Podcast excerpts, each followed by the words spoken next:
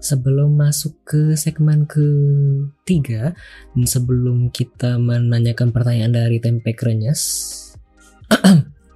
Diingatkan kembali mungkin bagi para penonton dan para pendengar yang mungkin baru bergabung dan baru mendengarkan atau menonton siaran weekly Midnight Radio ini.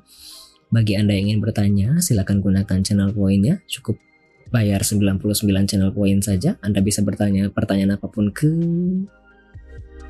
bintang tamu kita asalkan appropriate ya kira-kira masih cocok.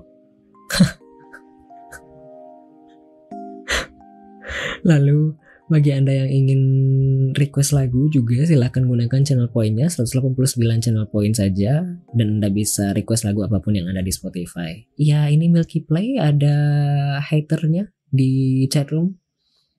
Menyampaikan salam. Assalamualaikum Apakah Anda mendengar?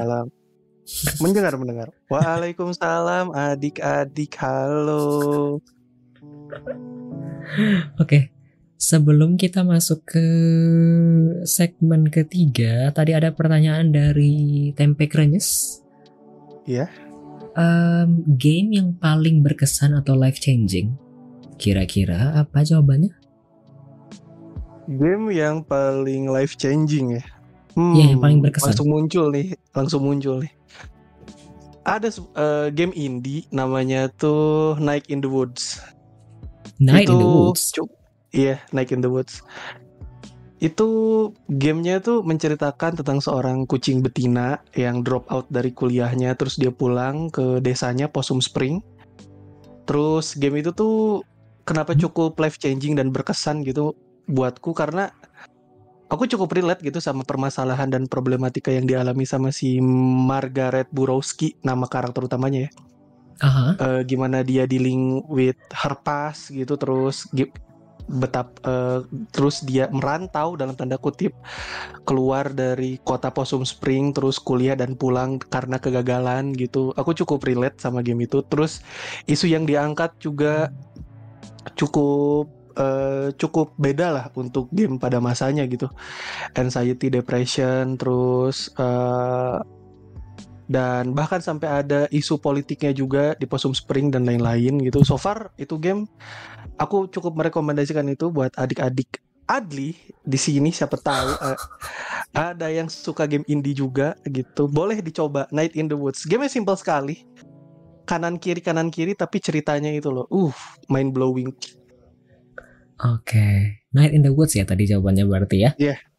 Yeah. Boleh nanti saya catat juga. Tadi sebenarnya ketika break kita tadi bincang-bincang beberapa judul juga. Nanti karena saya sekarang sedang streaming dan banyak yang saya buka Windows saat ini jadi resource-nya harus bagi-bagi. Nanti setelah ini mungkin akan saya baca-baca lebih lanjut lagi. Oke, pertanyaan dari tempe kerennya sudah terjawab. Kita masuk ke segmen kedua. Eh, segmen ketiga. Sekarang kita akan lanjut ke topik selanjutnya, stories behind streaming scene of guest star, yaitu Milky Play underscores.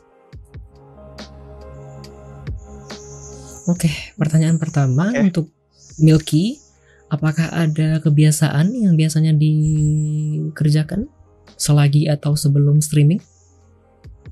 Sebelum stream biasanya apa ya?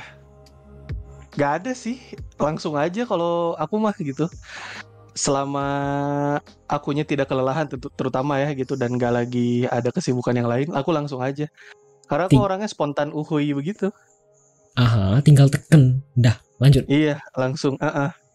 Palingan ah. apa ya? Ya ada ada ada susu atau kopi atau rokok udah gitu aja. Ah, oke okay, oke okay, oke okay, oke. Basically berarti nyiapin beberapa apa ya, sampingan kayak rokok, iya. kopi, dan minum tadi iya, ya. Kayak, iya kayak gitu aja. Oke, okay. selama streaming tidak ada kebiasaan yang rasanya mencolok kah yang selalu dikerjakan? Waduh, lo itu mah jelas ada. Apa? Saya orangnya random, random banget. Aha. Suka nyanyi-nyanyi sendiri nggak jelas, terus lagi bahas apa tiba-tiba ke mana bahasannya, tawa-tawa iya. sendiri, terus kalau lagi terutama belakangan kan aku lagi main Yakuza gitu kan ya baru lagi main Yakuza terutama Yakuza Zero gitu lagi playthrough juga. Ya? Suka tiba-tiba gak jelas aja lah gitu gak jelas aja. Suka tiba-tiba apa ya gitu lagi bahas apa tiba-tiba apa gitu.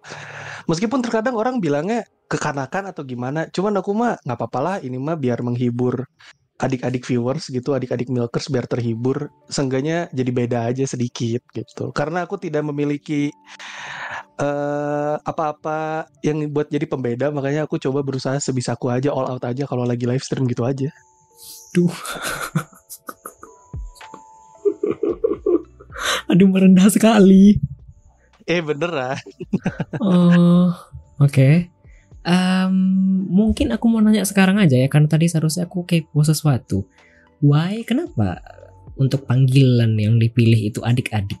Ke siapa pun ya, basically. Aku kan kita saling bermutualan juga Iya. di Twitter dan Iya, iya. saya juga kadang-kadang mampir meskipun mungkin lurking ketika lagi tidak bisa mendengar. Em, Iya.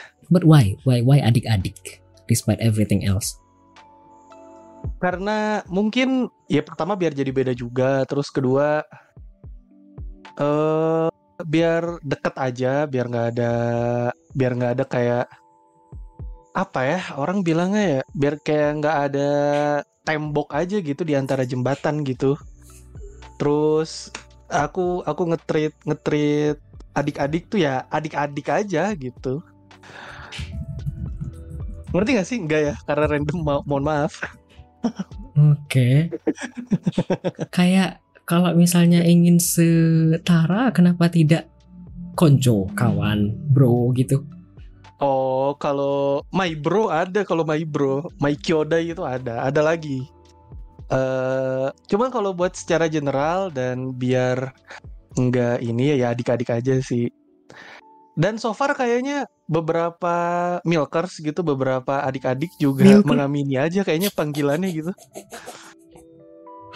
Milker. Kadang kadang-kadang aku bilangnya Baraya, Sunda banget ya Baraya. Halo Baraya, Ini ada yang komen. Sumping. Ini Mas Yo komen di kolom chat dulur-dulur gitu. Dulur-dulur, wah boleh juga AA, boleh. Saya tidak Dulur-dulur. mengerti. Adik-adik milkers jadinya, adik-adik peminum susu gitu. Udah Aduh. mantep kan, mantep. Gak jelas, gak jelas. Oke, baiklah. Tadi ada pertanyaan dari Mas Yo. Eh, ini pertanyaan Iya. kenapa tiap di rate di Twitter ngasihnya the rate? Woi, Hmm, ini pakai Oh. caps lock semua dan Anda bisa baca di Iya. chat room. Iya, iya, iya, iya. Ya. But why? Kenapa, kenapa tiap di rate di Twitter ngasihnya the rate? Ya why? Karena kan nge-rate dan referensiku soal rate ya the rate-nya Iko Uwais gitu. Ngerti gak sih kayak itu salah satu film X aksi terbaik gitu menurutku. Ya nggak salah. Ada Kang Cecep Arif Rahman, ada Iko Uwais, Wah, itu mantap. Oke. Agak speechless tapi oke. Saya paham. Iya betul. Saya juga Mas Yo. Kalau di Twitter kan kelihatan tuh ya dan lewat pasti. Ini pasti di rate. Salam Udah. grade. Udah kayak ciri khas gitu tapi ya udahlah ya. Oke, saya lanjut ke topik selanjutnya. Adakah tips dan trik kalau streaming di Twitch atau di platform lain? Ini meskipun eh, apa ya? Mungkin Anda mungkin merasa channel Anda masih kecil, tapi mungkin ada tips dan trik. Ya, aduh. Berarti kalau ngomongin streaming bicara konten berarti ya. Eh, probably, but not also Iya. content. Kan Anda bisa Iya, juga also- offline di, di balik layar yang Anda sering bilang kagum, respect dari kakak Oh. itu kan termasuk Oh, tips dan trik juga ya. iya. Ya, aku berpegang dengan kata-kata yang tadi gitu. Sedikit lebih beda, lebih baik daripada sedikit lebih baik gitu. Jadi cari aja pembedanya siapa tahu kita nongol mencuat ke permukaan adik-adik begitu. Siapa tahu ya kan? Karena mungkin kayak contohnya gini deh. orang banyak yang main Dota, orang banyak yang main LoL, orang banyak yang main Valorant. Cuman pembeda kalian itu apa? Gitu aja. Dalamnya. Ter- terlepas dari betapa jagonya, betapa wah si ini kalau main Valorant kayak John Wick, euy, auto headshot, dor dor dor dor dor dor, dor, dor, abis gitu. Cuman Berarti kan eh, kalau kalau kita mengibaratkannya seperti di rak buku gitu ya, berarti kan kita tidak ada bedanya dengan buku-buku yang lain. Cuman apa apa hal yang bisa membuat orang datang dan stay untuk nonton kita tuh apa gitu? Kalau menurutku itu aja sih. Betul betul betul. Wah. Cari Betul. pembedanya aja sih sebenarnya. Oke, so berarti tips dan triknya untuk streaming di Twitch intinya find your different gitu ya. Iya, cari diferensiasinya apa gitu. Oke. Oke, baik. Selanjutnya ada pertanyaan dari Mas Yo lagi. Baca pertanyaannya gimana ya? Udah dibilangin belum Bang Adli pembedanya si susu-susu ini Bang Adli? Oh, mungkin pertanyaannya begini ya dari Mas Yo. Menurut susu sendiri, menurut milk sendiri, pembeda susu dari yang lain Hmm. apa? Pembedaku ya. Iya Allah berat kali ya. Pembeda ya. Hmm. Hmm, pembeda ya. Pembeda. Mungkin dari eh, video game yang aku mainkan mungkin agak berbeda dari yang lain. I don't know. Karena aku mendapatkan reaksi begitu dari beberapa milkers adik-adik gitu, banyak yang ngomong, "Bang Susu, aku seneng mampir karena Bang Susu gamenya ini. Bang Susu, aku seneng ini ini ini." Tapi mungkin terkadang yang jadi pembeda mungkin apa ya terlepas dari video gamenya mungkin eh genuinitas ketika kita lagi membuat konten gitu I- entah itu siaran langsung atau konten tapping gitu Genuinitas. Iya. I see. Berarti semacam reaksi yang sejujurnya dan seiyanya ya. iya iya Oke. terlepas itu mungkin ada yang dibuat-buat ada yang gimmick tapi mungkin genuinitasnya gitu karena eh terkadang gitu beberapa konten creator atau live streamer gitu terkadang eh, mereka tuh suka mengkategorikan kalau orang sukanya ini orang sukanya ini orang sukanya itu mungkin Hah? mungkin Maksudnya? mungkin iya jadi eh, mungkin ada beberapa kreator itu yang yang yang mereka tuh suka ngambil eh, big picture-nya sendiri gitu kayak orang datang ke gua ini karena gua main ini orang datang ke gua ka- orang datang ke saya karena saya main ini orang datang ke saya karena saya main ini Oh. orang itu suka saya begini, orang itu suka saya begitu gitu. Tapi mungkin pada dasarnya menurutku eh orang datang mungkin karena bukan ya mungkin karena itunya juga mungkin tapi menurutku karena genuinitasnya itu sendiri sih. I see, I see, I see. Wah. Bagus nih jawabannya. Karena lucunya ya gitu ketika kita berkecimpung di dunia konten kreasi apa pun itu, entah itu podcast, entah itu s- eh, siaran langsung seperti ini, entah itu ya apa pun lah itu bentuknya. Ketika ketika kita tarik itu ke dalam, orang tuh makin banyak yang relate. Jadi kayak gimana ya? Aku sedang mencoba mengejawantahkan menyeder- menyederhanakan juga nih jawabannya. Karena seni tuh begitu gitu. Ketika kita tarik ke dalam, makin makin genuine tuh orang makin banyak yang relate gitu udah. Wah.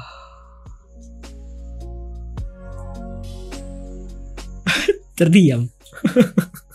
Kenapa terdiam? Random ya, maaf. Enggak, jawabannya enggak, enggak random. Jawabannya pas. Yang ditanyain apa dan iya, ngejelasinnya juga pas. Dan aku tak tidak Iya, iya, iya. menyangka jawabannya bisa seperti ini dan aku oh ya bahkan Mas Yo aneh pun tau. jadi terpukau kan Waduh. Kagum. itu kan Mas Yo tulis itu dia udah saya jawabannya Bang Adli aku yakin mana ada. ada GR gitu ya. nggak ada yang ini pertanyaan dari penonton nggak ada ya oke Iya, nggak ada GR dong. aku lanjut ya Hmm, Em, selanjutnya lanjut. most memorable moments after streaming all this time in Twitch apakah ada momen yang rasanya paling mengesankan setelah setelah selama ini kan baru 4-5 bulan kayaknya streaming di Twitch Iya. apakah ada momen yang paling mengesankan kayaknya? Kenal orang-orang yang asik, yang asoy, yang trendy, eh, kenal orang-orang yang mengagumkan, kenal dirimu juga, terus Coba ketemu banyak orang baru gitu dan eh ya membuatku semakin ya belajar lebih jauh lagi soal skena. Anjir skena soal medan atau enggak fieldnya di Twitch ini seperti apa kayak gitu-gitu ya meskipun masih ngeraba sih jujur li aja gitu ya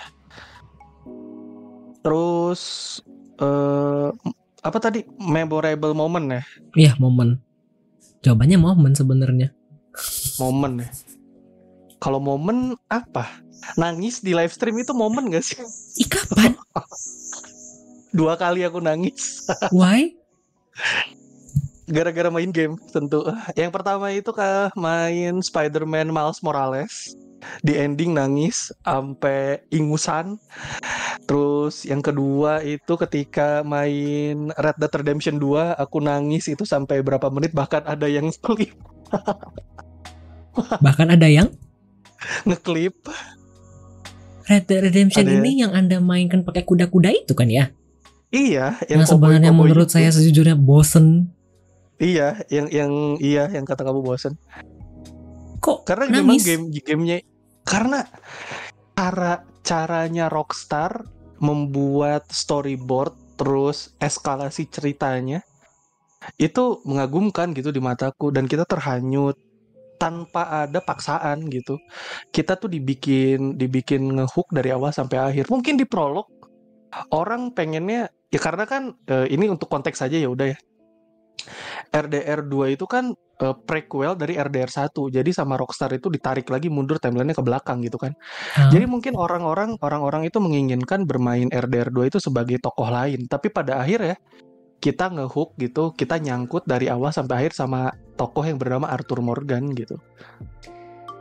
Cara cara cara development karakternya terus cara eskalasi ceritanya itu pas dan manis banget penulisannya juga terus narasinya yang dibentuk. Semua itu ada di situ karena struktur narasinya itu ada. Struktur narasi itu kayak karakter tujuan halangan. Dan itu tuh cara membungkusnya itu wah kagum lah. Mau ditahan-tahan mau, mau ditahan-tahan juga air mata ngucur. Ah, sampai sesenggukan. iya. Oh, Sampai sesenggukan. Sayang saya belum pernah ketemu dan nanti saya mungkin bakal kepoin klipnya. Oke, aku lanjut ya. boleh boleh boleh Selanjutnya, The Bittersweet of Streaming in Twitch. Adakah kira-kira eh pahit manisnya streaming di Twitch?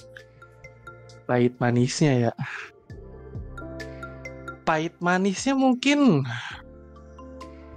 oh ya aku bingung sih Sejujurnya aja Karena nggak kan- apa-apa. Iya gitu, aku sejujurnya eh, ini ini ini ini ini sedang ku cari juga. Sejujurnya, aku sih nggak pernah ngerasa bitter apa gimana ya gitu karena sesusah apa pun streaming di platform baru, gimana kita ngejalaninnya aja kan sebenarnya. Kalau kitanya senang-senang aja mah kan kayaknya everything is good aja gitu, everything is fun gitu. Itu sih, karena aku tuh oh, gak, gak pernah nganggep kayak beban apa gimana, enggak. Tidak pernah merasa sedih gitu. Eng- Enggak sih. Like for real? sih. Beneran. Mungkin terdengar kayak naif ya gitu, cuman memang begitu adanya karena sesusah kayak kayak contoh in real life deh gitu. Semua orang pasti punya titik terendah dalam hidup. Cuman kan mungkin gimana kita ngejalaninnya aja. Kalaupun kita lagi susah, kalau kitanya senang-senang aja mau ngejalanin hari demi harinya, ya kita gak bakal nganggap itu sebagai bittersweet gitu. Menurutku ya. It- itu berlaku juga buat eh, orang-orang yang berkecimpung di dunia yang sama juga sih menurutku. Oke. Hmm, oke oke oke. Yang manisnya pun tak ada kah sampai sekarang? Yang manis ya banyak kalau yang manis sih. Apa? Bukan Ketemu cewek. orang-orang baru. Enggak dong. Apa apa? Ketemu orang-orang ketemu orang-orang baru, kenal orang baru, terus oh kenal oh platform itu seperti ini dan alhamdulillah gitu eh respon yang aku dapat ya meskipun lamban mungkin naiknya terus ada aja yang kayak gimana-gimana tapi senang-senang aja sih aku asli senang ketemu orang baru ketemu kamu ketemu banyak orang gitu ya mungkin kalau aku sebut satu persatu bakalan terlewat gitu namanya nggak kesebut apa gimana tapi aku senang membagikan pengalaman bermainku di Twitch dengan cara siaran langsung aku aku senang Oke, so basically sweet gitu ya. Iya. Oke, saya lanjut ya. Mungkin bisa Boleh. membandingkan diri sendiri, Milk eh, sekarang, sekarang ya, dengan pas awal mulai deh kayaknya. Karena kan tadi baru bilangnya baru dari Hamin 5 Lebaran, berarti kan belum lama ya. Iya. Eh, pembandingnya apa ya? Eh, Mungkin di awal-awal kaku jelas. Eh Masih ya, mencari gimana caranya membawa diri, terus ngomong ke audiens itu gimana. Tapi perlahan-lahan tahu gitu, terus bisa bisa dapat istilah-istilah kayak kagum, adik-adik kayak gitu. Itu berjalan se- sendirinya gitu. betul betul. Dan eh mungkin ya dan mungkin juga adik-adik juga yang datang juga terbentuk sendiri kali pasarnya, kolamnya gitu ya menurutku sih. Jadinya ya ya perbedaannya dulu mungkin kaku, sekarang udah nggak begitu. Iya, yang awal-awal dulu kan Anda juga masih bingung kalau tidak salah yang raid ya. Dan Iya. kalau tidak salah, Iya. tapi sampai sekarang pun masih kayaknya. Anda itu masih punya kebiasaan abis mencet live streaming baru klik lagi live di tweet, ya kan? Iya, memang. Itu kan masih Aku masih masih belajar ya kayaknya. Iya, masih belajar. Aku masih coba mengerti dan terkadang iya anjir gimana ya heeh. Karena ada pengalaman ya ini mah cerita dikit ya gitu. Ada, ada pengalaman terlalu banyak nanya tuh malah jadi dibego-begoin orang gitu. Malah terkadang mau nanya tuh jadi kayak enggan gitu sama yang lain tuh. I see. Understandable. Iya, jadinya jadinya kadang eh, coba cari tahu sendirilah gitu karena udah gede gitu. coba cari Aha. tahu sendiri. Gitu aja. Oke, so basically comparison of yourself jawabannya sudah mulai beranjak-ranjak memahami lebih baik Iya, lagi gitu iya. ya. Iya, baby step aja gitu. Kayak baby kayak kayak kayak langkahnya yang diambil sama adik bayi gitu kan. Dari cuma bisa tiduran terus nelungkup. Nah, baru nelungkup ini tuh belum ngerangkak gitu. Oke. Iya. Ah, sebelum masuk ke pertanyaan selanjutnya, kayaknya soalnya pertanyaan terakhir. Enggak Iya, deh, ya. dua lagi dari aku. Eh, ini ada pertanyaan dari Mas Yo. Basic question. Kenapa dia tertarik banget sama gaming industry? Sesungguhnya aku juga kepo ini. Kan Anda itu tertarik banget ya. Basically kalau aku Iya. lihat di Twitter itu topik Iya. Anda antara gaming industry atau satu lagi bola. Why? Bola, Why? Why sangat tertarik ke gaming industry? Pertama memang eh aku melihat berarti ini bicara konten ya gitu ya. Kenapa tertarik kayak gitu? Enggak enggak sih, gaming industry itu kan secara keseluruhan Gaming ya. industry. Secara keseluruhan aja ber- berarti secara keseluruhan ya. Eh, Oke. Kenapa tertarik? Karena memang seseru itu untuk dikulik gitu. Intrik politiknya ada, terus ada, ada beberapa game yang bahkan gak keluar karena ada kepentingan politik si A, si B, korporasi besar. Lalu kasus-kasusnya aja ada gitu. Bahkan Iya aku kah? pernah baca buku. Iya ada ada. Nanti bakal rilis videonya. soal soal ada pembahasan aku soal salah satu game yang ada kepentingan politik kayak gitulah. Lalu aku juga pernah baca buku gitu. Judulnya tuh Blood, Sweat and Pixel. Itu itu tuh buku itu tuh menceritakan betapa kejamnya industri gaming secara keseluruhan eh di mana menempatkan developer itu seperti martir gitu. Hmm? Dan menurutku What do itu you mean, Martir? Iya martir kayak ya orang yang berani mati gitu. Karena ada sebuah studio game Hmm? yang sedang yang sedang ngegarap game apa ya aku lupa. Eh pokoknya studio itu tuh habis ngumpulin orang, Ya? udah udah running projectnya, udah berbulan-bulan udah running, tiba-tiba di suatu pagi dapat telepon dari sebut saja IE namanya. Ah, ya? ditelepon dite- ditelepon sama IE terus IE ngomong gitu eh coy game lu nggak asik gua cut. Itu gimana gitu? Itu perjalanannya uh gila gitu. Gimana loh? Ketika project udah run terus kita tetap kita harus bayar orang-orang yang udah jadi gerbong kita di belakang. Programmer coding pengisi suara CGI motion cap dan lain-lain. Itu gimana tiba-tiba di cut di tengah itu rasanya gimana dan di, di buku itu tuh menjelaskan di buku Blood, Sweat and Pixel itu dijelaskan betapa perjuangannya develop, developer developer itu gila gitu bahkan ada developer Rusia kalau nggak salah yang bahkan mereka menyelundupkan beberapa hardware dari luar Rusia karena di Rusia itu nggak ada gitu si barang ini tuh nggak bisa didapat. Mereka tuh se begitunya sama industri video game tuh gitu. Dan itu yang membuat aku tertarik gitu untuk mengulik lebih jauh akan Maksud- industri gaming secara keseluruhan. So basically kayak true crime gitu tapi versi gamingnya Anda tertariknya. Iya betul. Ah. Pro- Program juga aku tertarik juga sih. Cuman eh, karena nggak masuk ke kolamku aja sih, makanya nggak nggak pernah aku bahas. Tapi basically industri gaming itu asik sih buat dibahas. Developer yang kayak gimana, developer yang kayak yang salah investasi uang, developer yang hanya menjual rasa nostalgia sama fansnya atau gamernya, terus habit di mana ngerilis game yang setengah jadi, asik itu untuk dibahas. Terus Oh. kontroversi persoalan GOTY atau TGA gitu. Ya. Buat adik-adik eh, siapa tahu ada yang nggak tahu gitu GOTY. GOTY itu kayak ini kan ya udah ya apa game game of the year gitu. Ternyata ada kontroversinya gitu. Kontroversinya sempat mencuat di 2020 kemarin. Persoalan The Last of Us menyabet banget banyak penghargaan sampai ada kontroversi bribing katanya. Oh, I see. Kalau itu masalah yang cukup umum sih. Iya, kayak gitu-gitu. Itu tuh asik untuk dibahas, untuk dikulik gitu. Dan ternyata korporasi besar ini cukup banyak belangnya, tapi tidak semua sih. Cukup banyak belangnya, ada juga ternyata korporasi besar yang malas, yang tiap tahun ngerilis game yang sama, tapi tetap saya beli gitu.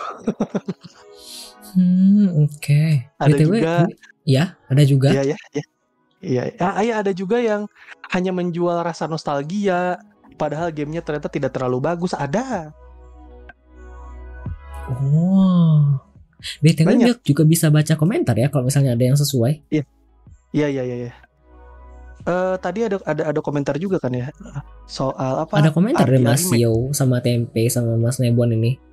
BTW aku se- se- sejauh ini aku terjun ke dunia Hmm. playtesting dan demo-demoan aku cuma ngikutin kulit mungkin ya. Aku basically cuma baca Ya. apa yang ada di permukaan, tidak terlalu peduli dengan Ya. segala kasus-kasusnya. Eh, maksud kamu RDR remake Milky bukan cuma RDR remake sepertinya. Karena eh, waktu itu ada sebuah eh, korporasi besar develop developer dan publishing sebut saja Square Enix. Ya. Mereka merilis game Chrono Chrono aduh aku lupa Chrono Cross Radical of Dreamer. Itu game ancur parah. Itu game ancur sancur-ancurnya. Maksudnya sebuah game yang dirilis di era 2022-2023 memiliki optimalisasi yang buruk dengan kualitas grafik yang sebenarnya tidak lebih bagus dari PS1 tuh kok bisa nggak optimal gitu. Dan ternyata terbukti mereka cuman milking dan mereka cuman menjadikan orang-orang yang ngefans sama game ini tuh di, di eh, apa du apa sapi perah aja gitu dan manen duitnya dari situ gitu. Chrono Cross Radical Dreamer itu tuh. Terus eh, banyak juga kok yang menjual rasa nostalgia dan sebenarnya gamenya yang fan service banyak. Contohnya boleh aku sebut nggak sih? Boleh kayaknya. Kan di sini tidak ada Eh, apa ya? iya. Takutnya gitu. Eh contohnya ini. Sebut Menurutku saja ya, EA, sebut saja Square Enix.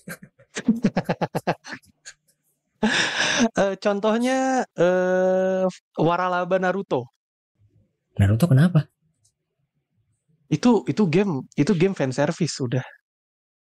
UI tiap tahun tidak berubah, kualitas grafik setiap tahun tidak berubah. Bahkan font tulisannya saja tidak berubah. Yang nambah itu cuma karakter dan mereka mereka tuh si kalau nggak salah ini developernya tuh namanya CyberConnect ya kalau nggak salah ya. Karena kan publishingnya tuh kan Banco kan Bandai Namco kan.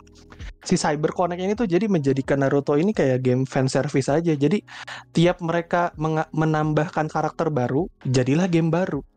Padahal kan bisa kalau kita mau money wise gitu ya, kalau kita mau bijak gitu.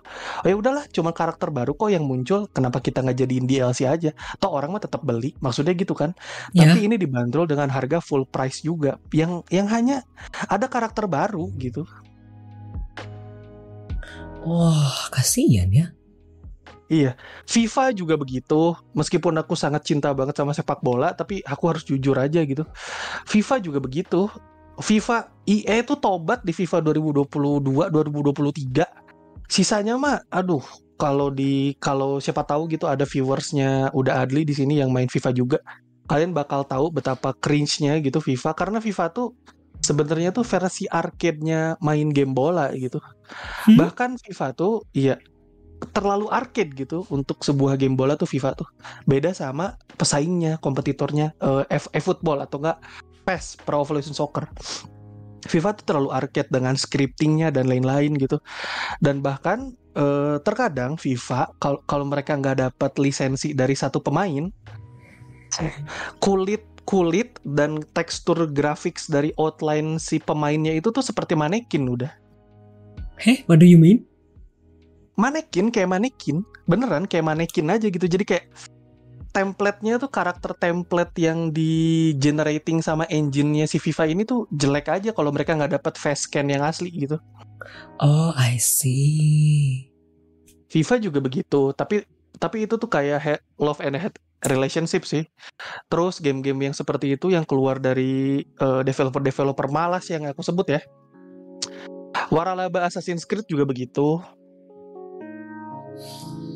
Wah, tahu banyak sekali Anda ya. Waralaba, iya lumayan lah sedikit lah. Waralaba Assassin's Creed juga begitu. Mereka ini datang membranding diri mereka gitu. Hey, hey halayak ramai, inilah aku. Game stealth modern nih, ayo datang datang. Untuk sebuah game stealth modern membutuhkan waktu berapa tahun cuma untuk karakternya bisa nge, nge crouch, jongkok. Gila nggak tuh? Sema semalas itu Ubisoft tuh sebenernya. Ah, ini. Oke. okay. Gila loh. Dan, dan gak pernah jadi ada penambahan yang signifikan dan hanya jadi game yang rilis annual gitu atau per tahun gitu. Ya itu dosa-dosanya Ubisoft lah gitu. Padahal di sisi lain di spektrum yang sama, Ubisoft tuh punya judul-judul yang prolific menurutku kayak Splinter Cell, kayak Prince of Persia yang bahkan belum mereka sentuh sampai sekarang. Kenapa yang masih terus di ini tuh Assassin's Creed gitu? Udah menjadi udah menjadi sebuah waralaba atau franchise yang cukup tua sih Assassin's Creed. Bahkan menurutku Assassin's Creed pertama itu yang karakter utamanya Altair Ibnu Lahad itu harusnya udah gone gold gitu. Harusnya udah masuk ke fase remaster atau remake gitu bahkan. Tapi sama mereka masih aja digali digali. Dan ceritanya pun makin di luar nalar udah adli. Makin gak masuk akal ceritanya oke okay. aku terbayang ini, ini aku boleh aku, aku, boleh aku boleh nanya sama boleh boleh nanya gak sama udah adli oh aku boleh kenapa tidak iya. nah menurut udah apa yang terbersit dari nama Assassin's Creed? Tua sih. Aku rasanya pernah dengar nama Assassin's Creed ini SMP atau SD dulu banget. Itu doang. Uh, Karena aku tidak terlalu mengenal. I don't know. mainnya apa selain selain tua? Nggak tahu sama sekali. No, I don't know. Yang aku inget tuh cuma yang ada lompat-lompat di Iran Persia gitu loh. Oh, Dan itu kayaknya beda. Parkour ya. Yeah. Kenapa? Hmm. Iya. Enggak, enggak apa-apa, lanjut aja. Abis. ini enggak, kayaknya ada yang komen karena... ini beberapa, ada yang ya, sesuai ya, kayak ya. sama Milky. Hmm. Uh, oh, boleh ku baca nggak ini komennya udah? Boleh lah. Yang aku tadi kan yang aku bilang cuma kalau misalnya bertanya yang tidak akan ku baca. Kalau baca komentar ya nggak apa-apa silakan. Kan siapa oh, iya, tahu iya, iya. masih bersambungan ya sama iya, topik. Iya tapi di satu sisi juga ada gak ada yang salah dengan game fan service. Memang tidak salah, cuman mau sampai kapan dibagi-bagi nama publisher gitu aja. Kayaknya Namanya yang juga, komentar iya. sesuai iya. dengan Assassin's Creed yang Steel sama Ezio ini deh. Iya. Nah, ya itu kalau yang Assassin's Creed yang itu. Stealth. Iya, stealth. Oke, okay, kalau di pikiran kalian itu stealth terus orang lompat-lompat gitu. Tapi tiba-tiba kita melawan Anubis itu gimana ceritanya? Explain bagi orang yang tidak pernah mendengar. Iya, di di di di, di salah satu judul seharusnya kan orang uh, ya udah game stealth itu ya udah gitu kita sneaky sneaky gitu kan ya musuhnya orang. Ini tiba-tiba musuhnya Anubis.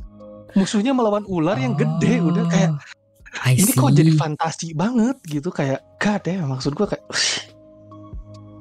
terlalu melenceng ya. iya Cuma demi Oke. kalau kalau udah Adli nggak tahu judulnya apa itu Assassin's Creed Origin Enggak, aku nggak tahu sedikit pun. Origin No idea at all. Origin itu tuh setting tepatnya di Kairo di Mesir itu ada di mana ketika beberapa piramid itu masih dibangun pokoknya era-era begitulah tapi sebenarnya itu game bisa jadi baik atau bagus selama tidak membawa nama Assassin's Creed cuman permasalahannya adalah kalau judulnya bukan Assassin's Creed belum tentu laku Oke. Iya. Dan di seri-seri selanjutnya pun tiba-tiba jadi sangat-sangat aneh menurutku. Di seri selanjutnya ki- kita dari Mesir berpindah ke eh, Yunani. Tiba-tibalah seorang assassin ada tombak api. Tiba-tibalah seorang assassin punya eh, skill lompat dari ketinggian terus ngegempa gitu, ngegempa apa ya istilahnya ya, bumi gitu pakai spearnya. Terus spearnya bisa dia kendalikan apa segala macam dan maksud gue tuh come on man just back to the root gitu maksudnya I see, I see, I bahkan see. bah- bahkan di salah satu franchise di salah satu judul yang lain juga karena eh, Ubisoft tiba-tiba mereka tuh banting setir udah di di di pertengahan yang awalnya tidak non RPG jadi RPG banget Assassin's Creed tuh gitu dan di yang terakhir Assassin's Creed Valhalla tiba-tiba kita di Asgard sebagai dewa dewi Nordik ya deh maksud gue kayak oh. I see, udah terlalu jauh begitu ya. Dari yang seharusnya Iya. ke mana, larinya Iya. ke mana-mana. dan dan kita sebagai orang yang ngikutin Assassin's Creed-nya yang OG gitu, yang old school itu kayak memperlihat memperhatikan timeline ceritanya tuh kayak kok jadi bingung gitu. Ini mau dibawa ke mana dan mau dibawa ke mana dan mau sampai mana ini gitu. Oke, paham. Aku tidak terlalu mengerti karena tidak terlalu tahu Assassin's Creed, tapi kalau aku bandingkan mungkin kayak drama seri Grey's Anatomy. Nggak tahu apakah banyak yang nonton di sini apa enggak, tapi sama Iya, kayak Grey's Anatomy mungkin. aku tahu. Dari Ya, awal gitu. dari awal mulai dokter sampai sekarang udah lari ke mana-mana ceritanya dan aku ngikutin lagi. Mungkin kayak gitu ya konsepnya. Iya, iya. Karena eh, aku tuh karena aku penyuka game stealth ya udah ya. Aku tuh penyuka Hitman, aku penyuka Splinter Cell. Aku makanya ketika pertama kali Assassin's Creed muncul ke permukaan aku cukup seneng gitu. Karena game ini cukup beda dari yang lain karena ada sisi sejarah yang dibahas gitu dari Assassin's Creed. Ini sedikit fun fact aja gitu untuk Uda Adli dan para adik-adik gitu viewers. Ya, Assassin's Creed developernya itu menyeting ada tokoh-tokoh asli yang ada di sejarah dan tanggal matinya, lokasi mereka mati pun disesuaikan sama di sejarah. aha. Bagus, jadinya cukup detail gitu sebenarnya. Sebenarnya kalau untuk ni- value hi- historical historical akurasinya masih bisa kita perdebatkan gitu untuk si Assas- seri Assassin's Creed ini karena kita bisa belajar cukup banyak. Karena kita mulai dari kekaisaran Mamluk di Timur Tengah sampai yang terakhir itu di Nordik gitu dan itu tuh cukup Wih, berderet panjang gitu. dalam dan detail sekali. Aha, lanjutkan. Iya, iya. Bahkan di seri yang terakhir aja kita bertemu terutama di Assassin's Creed Origin kita bertemu tokoh-tokoh dunia gitu kayak Cleopatra, Alexander the Great dan lain-lain gitu. Bahkan di Aha. series Valhalla juga ada raja Inggris. Aduh aku lupa namanya siapa yang bikin katapult pertama kali itu aku lupa namanya ada raja Inggris tuh di situ. Itu juga di situ ada karena konfliknya konfliknya tuh jadi agak agak eh, gimana ya? Agak bias sih kalau eranya Assassin's Creed yang udah jadi mode RPG ya gitu. Jadi bukan hanya konfliknya persoalan antara Assassin Order dan Templar secara per se gitu secara gamblang tapi ada intrik-intrik politik dan lain juga. Persoalan wilayah persoalan penjajahan persoalan eh, kekuasaan dan lain-lain gitu Oke, ya Allah, luasnya.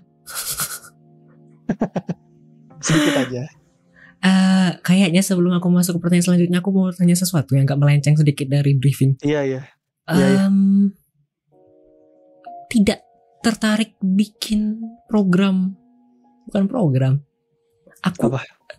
ini jujur ya sejujurnya aku kayaknya baru sekali nonton dari hmm, Ah. channel Milky sekali kayaknya Ya. baru aku mampir Ya. karena aku Ya. jarang ngeliatan juga kan ya di home YouTube Iya iya iya. apa tidak iya. tertarik bikin program bincang-bincang kayak gini? Anda kan kayaknya dalam ya kalau masalah kulik mengulik segala kasus yang kayak gini. Apakah tidak tertarik atau sudah ada kah? Kayak gosip kiss begitu? Aduh, kiss sudah tertarik tua cuman kali. aku eh, tertarik cuman aku bingung cara ngebungkusnya seperti apa gitu. Dan aku bingung cara eh, memilih eh, siapa yang mau aku ajak ngobrol. Aku masih stuck di situ dan apa yang mau aku tampilkan di layar itu aku bingung apa gitu. Ah, semacam karena mungkin Ya? eh, karena mungkin eh, karena mungkin eh, ini sebenarnya planning yang udah lama sih. Cuman aku sempet ngobrol sama beberapa kawanku gitu entah mungkin akhir tahun entah mungkin kapan karena ini juga masih mengawang-awang gitu aku pengen bikin konten ngobrol-ngobrol tapi kalau Goti itu kan best game ya kalau kita tuh bakal kalau saya nanti mungkin bakalan bikinnya yang keterbalikannya worst game of the year gitu Oh, I see. Cuman gak tahu kapan sih. Entah itu bakal terrealisasi waktu dekat atau tidak gitu gak tahu juga. Iya menyesuaikan Karena- ya. Iya, karena ada udah Adli beberapa orang yang tidak terima ketika gamenya itu dikatain jelek gitu dan malah marah-marah apa banyak. Iya banyak. Saya tahu. Iya. Bahkan ketika aku waktu itu bikin konten soal The Last of Us aja banyak yang Bang, lu buzzernya Naughty Dogs ya? Bang, lu dibayar berapa sama Naughty Dogs? Anjir, mana ada dibayar satu Understandable. Iya kayak gitu-gitu tuh. Mungkin mereka ter- terlalu mengador sama sebuah game yang mereka mainkan gitu. Jadinya sesuatu yang kultus gitu. Jadinya kayak orang nggak boleh ngomong jelek tentang ini gitu. Yang which is itu tidak apa-apa menurutku. Cuman tidak boleh agresif juga tuh maksud gue kayak Ah, oke oke oke oke. Oke, Iya. lanjut ya. iya iya iya. Oke, selanjutnya Eh, achievement that you have achieved during your streaming on Twitch. Apakah ada pencapaian yang sudah tercapai kah? Sejauh ini selama streaming di Twitch? achievement apa ya eh alhamdulillah udah nyentuh 200 follower terus Eh, alhamdulillah juga iya alhamdulillah terus mungkin sebentar lagi mungkin affiliate kayaknya amin Wih. Cuman aku- cuman cuman aku nggak yang eh gimana ya nggak yang begitu terlalu wah ngejar banget gitu nggak ya kapan pun bisa affiliate ya udahlah gitu ya maksudnya gitu Oke. Meskipun kadang suka bingung sendiri sih kalau ada adik-adik yang nanya gitu, Bang kapan affiliate kapan? Ya mana saya tahu gitu, silakan tanya itu sama Twitch gitu. Cuman kan ya kita mah enjoy, kita kan cuma bisa enjoy terus kita coba bisa ngejalanin hari demi harinya aja. Itu sih salah satu achievementnya terus ketemu orang-orang asik, terus banyak teman juga sekarang di Twitter gitu. Jadi pembahasanku juga di Twitter ya meskipun agak random terkadang tapi sekarang berwarna lah karena ada udah Adli, ada beberapa teman-teman yang lainnya juga yang mutualin Twitter gitu. Iya benar. Tidak hanya bola saja ya isinya. Iya betul. Karena biasanya terutama liga mau mulai nih. Pasti saya banyak kritik soal bola. Betul, ramai sekali. iya. Oke, mungkin pertanyaan terakhir di segmen ini ya. Iya, ada boleh, boleh, boleh. goal atau plan kah di masa depan? Atau ada impian dan harapan yang belum tercapai kah? Terkait stream Oke. ya, bukan terkait umum ya. Kalau umum pasti banyak. Iya iya. Terkait stream apa ya? Ya mungkin eh bisa dikenal banyak orang, bisa nge-reach orang yang lebih besar dan bisa membawa teman-teman dan adik-adik yang lain juga tumbuh bareng. Terus pengen hmm, pengen bisa membawa adik-adik dari Twitch ke YouTube atau enggak sebaliknya adik-adik dari YouTube bisa kubawa ke Twitch. Sesimpel itu aja sih kalau aku Oh, karena aku orangnya sekali. kurang karena aku, aku orangnya gak suka yang gimana ya yang terlalu woro-woro aku nggak bisa gitu ya biasa aja lah udah gitu gitu aja makanya ya kalau ditanya juga paling kan jawabannya agak hambar sih cuman ya begitu sih menurutku Hambar. yang yang aku pengen gitu sih Oke, Itu baiklah. aja sih. habis Karena kan seneng gitu, karena kan seneng gitu kalau kita bisa jalan bareng, lari bareng dan kita sampai garis finish ya bareng-bareng juga gitu, tumbuh bareng gitu. Wih, mulia sekali. Iya, habis uh, pertanyaan ya. di segmen kedua. Setelah ini kita Ya. akan lanjutkan di segmen terakhir, segmen ketiga, eh, segmen keempat atau sesi ketiga dengan bintang tamu kita. Uh, bagi yang ingin bertanya, boleh.